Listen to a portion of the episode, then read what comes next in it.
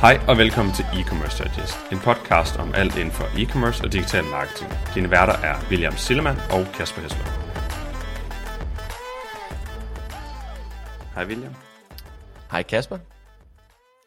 I dag der skal vi snakke om fem ting, man bør fokusere på nu, men også i fremtiden for Google Ads. Og jeg tænker egentlig bare, at du, øh, William, kan hoppe ud på den første her. Yes, så første punkt på listen, det er tracking og data. Uh, vi tror simpelthen på, at i fremtiden, så kommer der bør der være mere og mere fokus på at sende mere og bedre data til Google.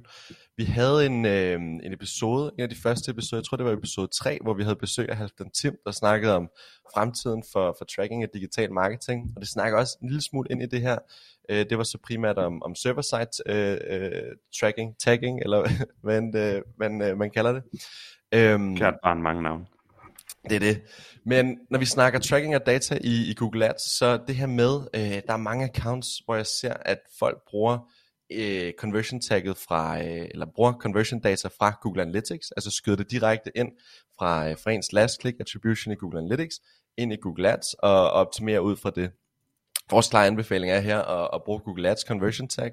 og øh, det er fordi, på den måde, så kan man også arbejde med data-driven attribution, som tilføjer det til, øh, til, til, til al ens tracking, så Google går ind og tillægger øh, værdi til hver enkelt øh, interaktion eller øh, touchpoint i øh, diverse kunderejser.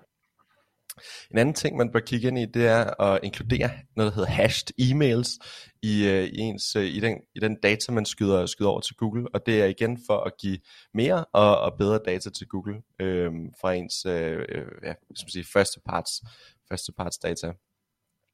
Derudover så kan man også skyde, øh, skyde data ind i Google, øh, hvorvidt det er en ny eller returnerende kunde, og hvis det er vigtigt for en, øh, og, og vigtigt at arbejde med en setup, øh, eksempelvis hvis nye kunder har en, en højere værdi, eller returnerende kunder har en, øh, en højere værdi, og man gerne vil byde mere eller mere aggressivt for den, for den ene eller den anden øh, øh kundetype, så, øh, så kan det give rigtig god mening at, at implementere. To andre ting, det er øh, at få opsat, igen øh, relativt teknisk, men at få opsat noget, der hedder consent mode modeling, og det, øh, der taler vi ligesom ind i, når man har de her cookie pop-ups, og så alle dem, der siger decline over cookies, også marketing cookies, så kan man lave øh, sådan noget, der hedder consent mode modeling, hvor man går ind og siger, hvor stor en procentdel af dem, der siger nej, øh, hvor stor en procentdel er det cirka, der siger nej til ens cookies, og går ind og laver noget øh, data modeling ud fra, øh, ud fra det. Og det er også noget, der hedder enhanced conversion øh, tracking, øh, som også igen går ind og giver, giver, øh, giver mere og, og bedre data til, øh, til Google, som de kan optimere ud fra. Sidste punkt på listen, det er, når du arbejder med smart bidding, eksempelvis Target ROAS, så er det vigtigt at sørge for at kigge på ens data og sige,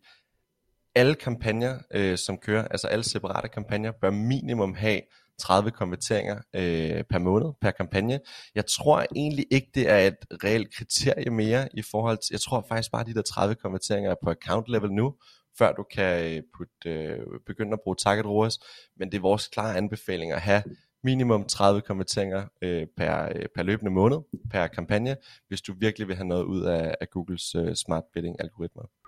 Ja, og bare lige for hurtigt at, at runde den af, så kan man sige, altså nu, nu optager vi det her afsnit, og det kommer nok ud lidt senere, men jeg tror det er i dag eller i går eller sådan noget, er der 100 dage til, at øh,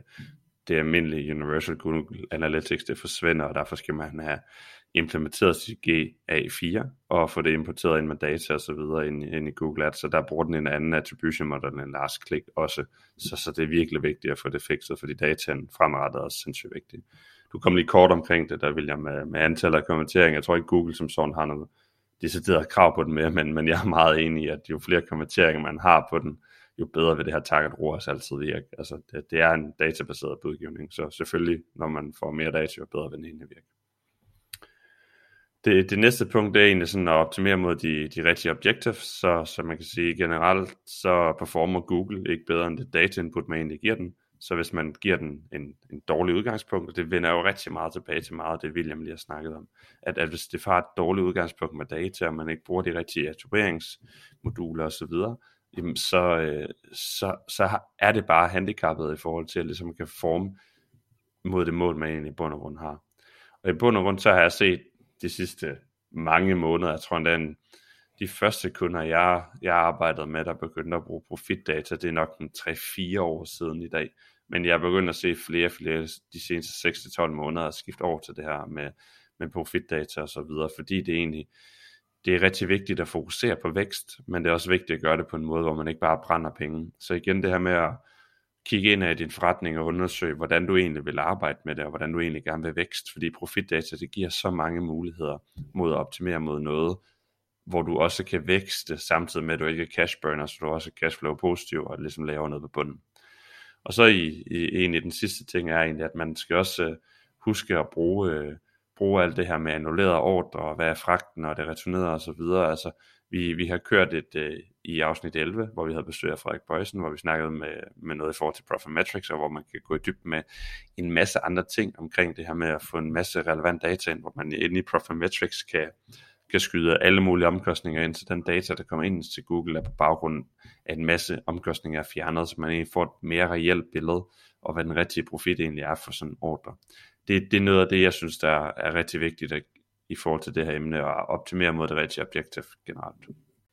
En anden ting, som vi i digital marketingafdelingen hos Mentor er begyndt at bruge en, en, øh, en del tid og en, øh, energi på, det er at, øh, at forberede business cases til on-site improvements til, øh, til vores tech-afdeling. Det kunne øh, eksempelvis være, hvis vi, øh, vi gerne vil have lavet nogle, øh, nogle funktioner på, på vores hjemmeside. Det kunne være, at vi gerne vil have en hurtigere load-tid, som også er med til at forbedre performance, forbedre konverteringsraten. Hvis vi gerne vil have implementeret unique selling points på, på produktsiden, så vi får en højere konverteringsrate, når vi køber trafik ind for Google Shopping. Hvis vi, gerne, hvis vi virkelig tror på, at en ønskelistefunktion øh, vil, øh, vil gå ind og hæve konverteringsraten eller øh, customer experience, sådan nogle ting, prøver at, at regne ud, hvad, hvad vil vi potentielt få ud af at implementere den her feature, forberede nogle business cases, præsentere, øh, præsentere dem til vores tech-afdeling, og, øh, og sørge for, at, at det bliver prioriteret. Så vi igen kunne gå ind og, og, og bruge de her on-site improvements til at få bedre performance i, øh, i Google Ads også. Så det her med at arbejde sammen på tværs af ens afdelinger, arbejde sammen med ens udviklere, ens bureau, ens tech-afdeling, øh, afhængig af hvilket setup man, øh, man kører med. Og så en anden ting, som, som jeg rigtig gerne vil snakke om, det er det her med, at man skal anvende, anvende hvad hedder det, førstepartsdata generelt til at ligesom arbejde med, med forskellige segmenter, om man bruger Klaviyo eller et andet CRM-system til at ligesom at lave nogle segmenter og lister, så kan man på baggrund af det føde Google med, med data på, om, om, om en x procent af, af det her, eller x antal e-mail til kunder er, er for eksempel høj, høj returrate på deres ordre, derfor vil vi egentlig gå ind og sige, fint nok, dem vil vi egentlig prøve at ekskludere, fordi vi ikke tjener penge på dem. Så det er lidt tilbage til det første punkt, som jeg snakkede om, var, som var det her med profitabilitet og arbejde mod det rigtige objektiv. For en ting er jo at, at prøve hele tiden at få en masse nye kunder, men vi vil også gerne prøve at arbejde mod at få de rigtige kunder, så det man kan bruge det her til, det er at lave en segmentopdeling i forhold til, at der potentielt set er nogen, som altid bruger en rabatkode eller ellers ikke køber, okay, fint nok, det kan måske give mening at få ekskluderet dem i nogle af tingene, hvis det er, og så egentlig have en større reliant på, på ens marketing automation i at, at ligesom lukke de kunder, hvor der er rabatkode på, så kan man arbejde mere med dem derover og, og gøre det billigere, så man egentlig undgår at bruge marketingkroner for eksempel på dem, som altid vil bruge en rabatkode, eller dem, der har en enorm høj returrate osv. Så, videre. så det er egentlig en mulighed for at egentlig skræddersy sin, sin marketing generelt, generelt mod at, at, at prøve på ligesom at få det mest værdifulde ud af sin markedsføring og bruge de mest værdifulde målgrupper og segmenter i ens forretning og gøre mere for at arbejde med dem og, og ramme dem endnu mere. Det sidste punkt på listen er et emne, som vi allerede har lavet en, øh, en dedikeret episode omkring, og det handler om at undgå at spilde penge i Google Ads. Jo mere automation, som, øh, som vi tillader i vores account, jo større frihed giver vi også Google til at teste øh, og distribuere spænd for den sags skyld, mere eller mindre som de har lyst til. Det kan der både være, være fordele og ulemper ved, øh, så det, det det handler om her, det er at man skal være opmærksom på, øh, øh, hvordan, eller hvor meget frihed man rent faktisk giver Google, om der er nogle ting, som man bør gå ind og justere på, og det kunne eksempelvis være øh, placements, eller øh, audience exclusions, eller øh, noget andet øh, i, i den dur. Vi har i episode 9 lavet et, øh, et helt afsnit fyldt med, øh, med tips og tricks til, hvordan du, øh, du kan undgå at, at spille penge i Google Ads. Tak fordi du lyttede med til dagens episode. Vi håber, du kunne bruge nogle af dagens takeaways. Som altid sætter vi stor pris på en ærlig rating på diverse streamingtjenester. Og du er altid velkommen til at skrive til os, hvis der er nogle emner, vi skal komme omkring, eller gæster, du synes, vi skal invitere med i studiet.